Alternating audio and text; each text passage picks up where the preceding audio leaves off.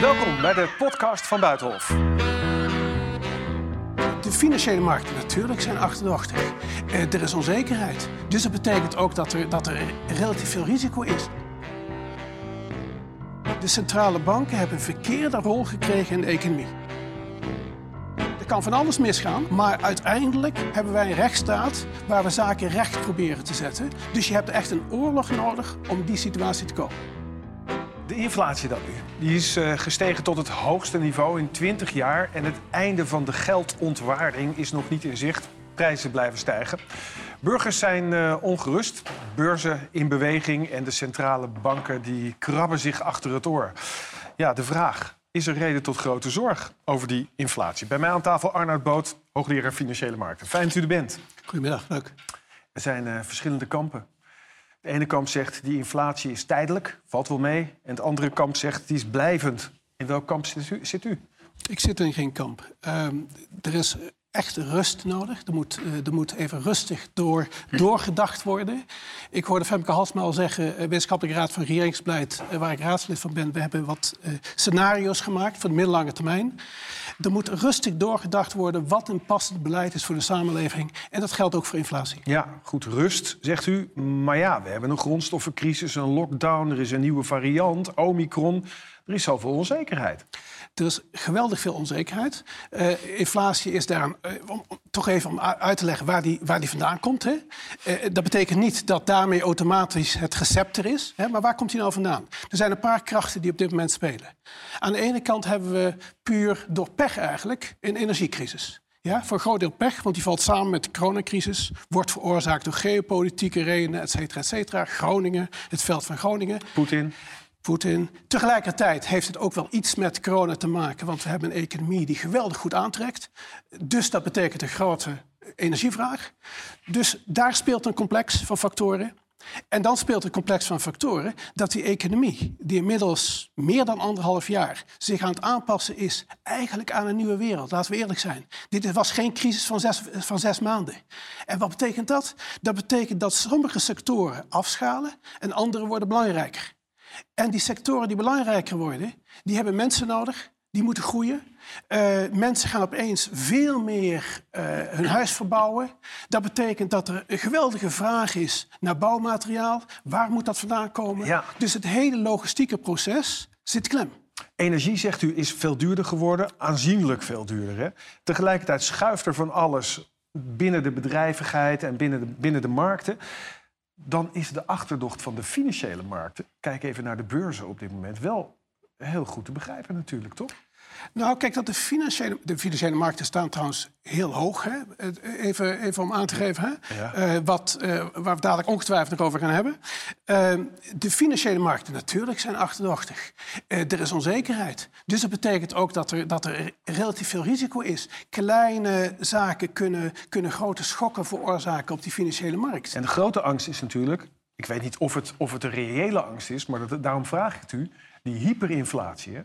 Dat, dat het geld zo erg gaat ontwaarden dat het, dat niks meer waard is. Kijk even naar Turkije. Wat daar op dit moment daar is, de inflatie daar geloof ik 45 procent. Maar het is tegelijkertijd natuurlijk een prachtig voorbeeld. Uh, je, moet je, je moet je eigenlijk je economie ook in een ongelooflijke chaos storten.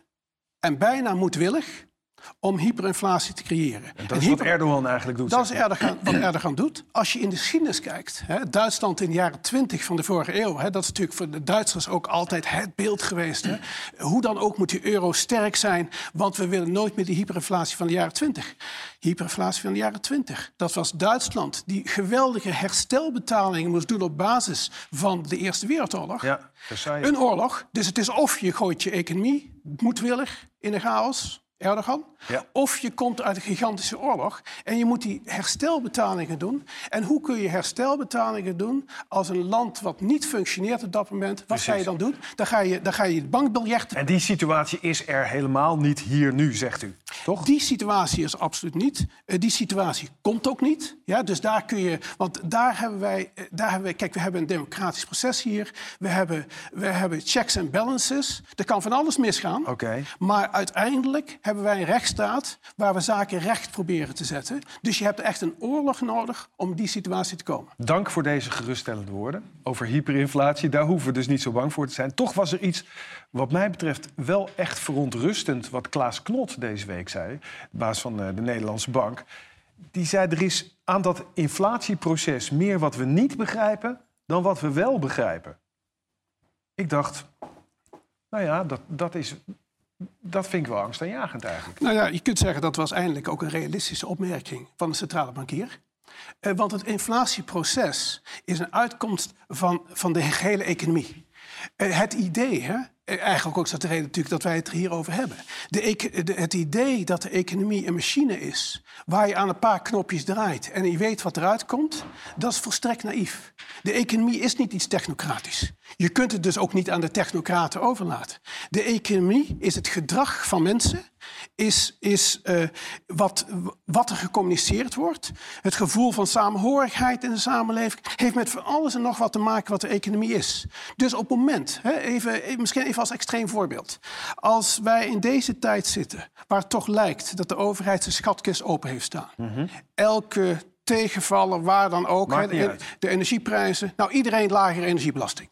Voor hetzelfde geld krijgen wij allebei morgen 50.000 euro op onze bankrekening gestort. Laat ik het even extreem stellen. Mm waar, waar het soms op lijkt. Hè? De schatkist staat open. Ja.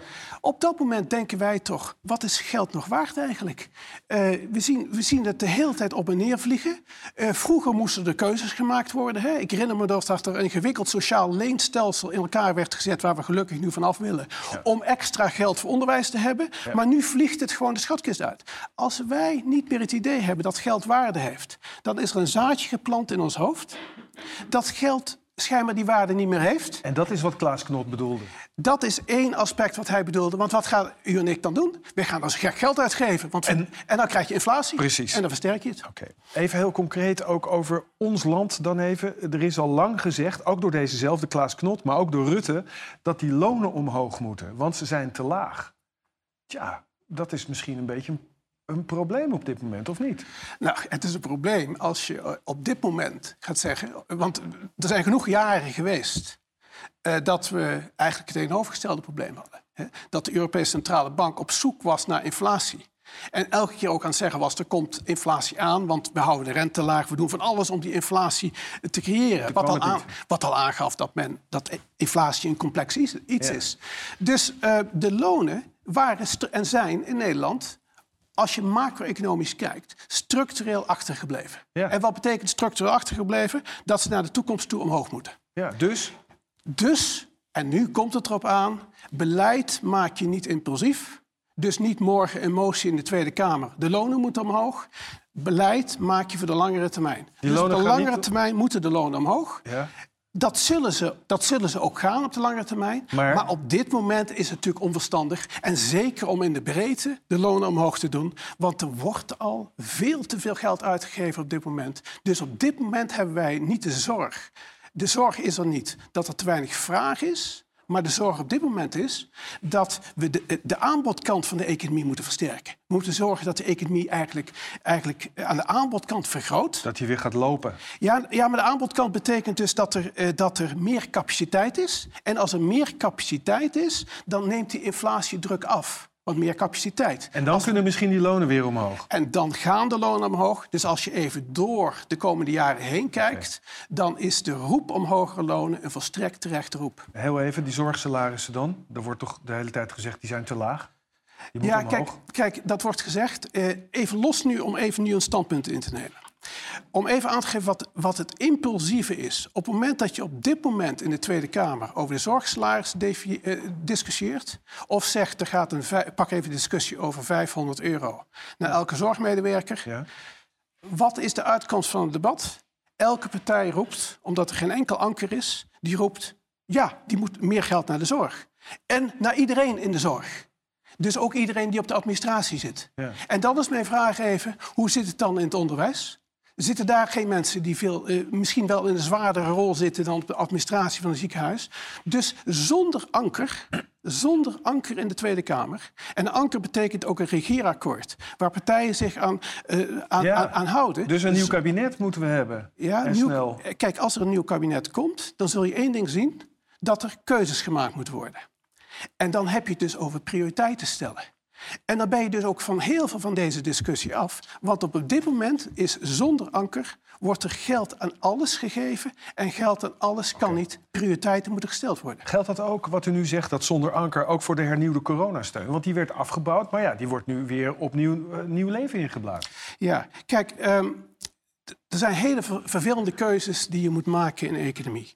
De eerste half jaar van de crisis, dus we praten maart tot najaar vorig jaar, volstrekt logisch dat een economie waar je plotseling allerlei, deur- allerlei deuren op slot doet, mensen investeringen hebben gemaakt, dat je zegt, moeten die mensen helpen. We zijn geen rechtsstaat als we vanuit de overheid plotseling jou onmogelijk maken om geld te verdienen, terwijl je wel geïnvesteerd hebt. Precies. Maar hoe lang moet je dat volhouden? In een economie kun je dit niet heel lang volhouden, omdat in een anderhalfjarige periode, zoals we ook zien, zien we dat een economie zich wil aanpassen. En aanpassen is weer die aanbodkant. Dus dat betekent dat er allerlei inventieve bedrijfjes komen die dingen gaan verzinnen. Bepaalde sectoren worden veel belangrijker. Die hele techniekkant kan belangrijker worden. De energietransitiesector kan veel belangrijker worden. Daar hebben we dus mensen voor nodig. En u zegt eigenlijk dat dat systeem en ook het ontwikkelen, het veranderen van de economie, het zich voegen van de economie, dat moet je niet te veel verstoren met allerlei steunmaatregelen. Dat moet je niet te veel verstoren. En je doet let, de verstoring is zelfs letterlijk. Wij komen mensen tekort in dit land. Letterlijk. Er zijn- eh, En wat, wat betekent die steun? De NOW-regeling bijvoorbeeld, die nieuwe werking. Dat betekent dat mensen betaald worden om te blijven zitten waar ze zitten, terwijl we elders die mensen nodig hebben. Oké. 15 december, dan komt de Europese Centrale Bank bij elkaar. En een dag later overigens de Fed, de Amerikaanse eh, Centrale Bank. Wat moet de ECB eigenlijk in, op dit moment met dat inflatiespook dat opnieuw tot leven komt... wat moet de ECB volgens u beslissen? Kijk, het, het gaat er niet, in dit geval niet om wat ze beslist, maar het gaat erom welk pad zet ze uit. Welk houvast geeft ze.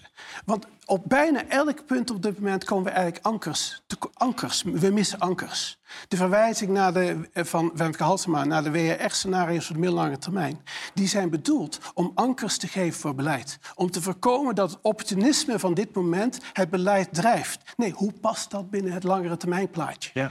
De ECB. De ECB zit, zit, eh, weet dat ze op termijn, hoe dan ook, moet ze van pagina, de voorpagina van de krant af en naar pagina 27 of 28 in de krant. Laat het heel duidelijk zijn dat voor de coronacrisis, december 2019, stond ze nog steeds op de voorpagina van de krant.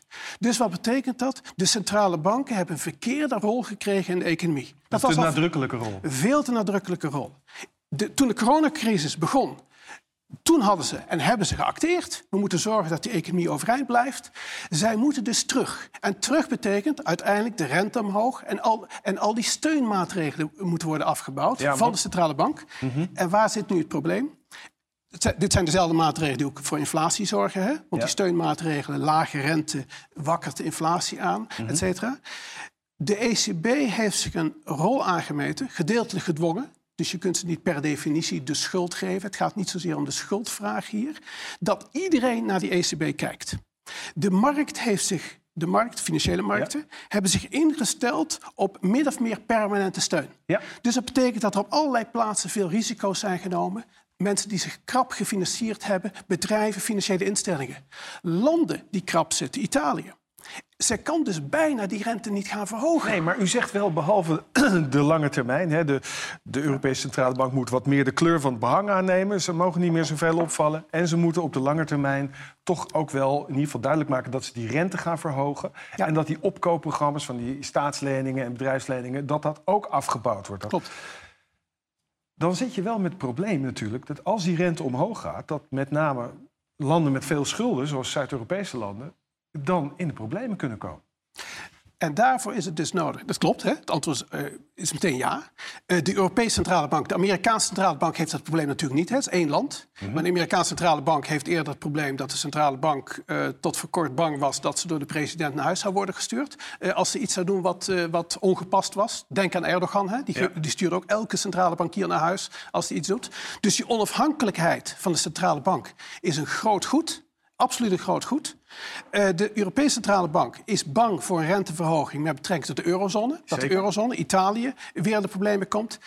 Zij zal dus moeten aangeven hoe zij de komende twee jaar in twee of drie scenario's die ze identificeert om zal gaan met die rente. Italië kan zich erop instellen door bijvoorbeeld haar schuld langer te financieren. Als die langer financiert, dan staat die rente vast. Oké, ja? dus sowieso, zegt u, die rente zal een keer weer omhoog gaan, zal omhoog moeten. Het ligt voor de hand dat de Europese Centrale Bank zich dat ook realiseert. En dat die hulpprogramma's, die opkoopprogramma's, meer en meer afgebouwd worden. Tot slot, we zien dus dat die rente al jaren extreem laag is. Voorlopig is hij dat nog, zoals het er nu uitziet. Nu komt nog de inflatie daarbovenop. Moet je niet stellen dat met name de spaarders en de mensen met een pensioen... die zijn nu eigenlijk twee keer de sjaak? Ja, het antwoord is ja. Uh, even in het algemeen. Eigenlijk elke economische crisis leidt altijd tot verliezers. Heeft winnaars, maar leidt ook tot verliezers. Maar de verliezer is hier dus de gewone man met een beetje spaargeld die straks absoluut, met pensioen gaat. Absoluut. De lage rente heeft ervoor gezorgd dat iedereen die geld had met huis of bijvoorbeeld aandelen, dat zijn ook de mensen die geld hebben, die zijn allemaal uh, naar het plafond, die zijn de spekkopers. En uh, de, de huurders, de mensen die nog geen huis hebben, zijn, en de mensen met spaargeld met een negatieve rente bij een inflatienotenbenen, die zijn, uh, die zijn het slachtoffer. Dus wat betekent dat? Dat betekent dat je als maatschappij, als maatschappij moet je er echt, gaan voor, echt voor gaan zorgen dat je uh, de steun die je op korte termijn de hele tijd geeft, die voor de politiek goed lijkt. Hè? Iedereen 500 euro erbij, dat lijkt goed. Nee, je moet echt naar die maatregelen die ervoor zorgen dat je uit deze situatie kunt. En uit deze situatie kom je door het geld goed te gaan besteden. En dat betekent investeren in onderwijs, dat maakt de economie groter. Investeren in infrastructuur, dat maakt de economie sterker. En dat geeft ruimte om al die groepen mee te nemen. Zorgt uiteindelijk ook voor lagere huizenprijzen trouwens. Dank voor dit uh, pleidooi voor ankers en uh, voor deze analyse van de economische toestand. Dank.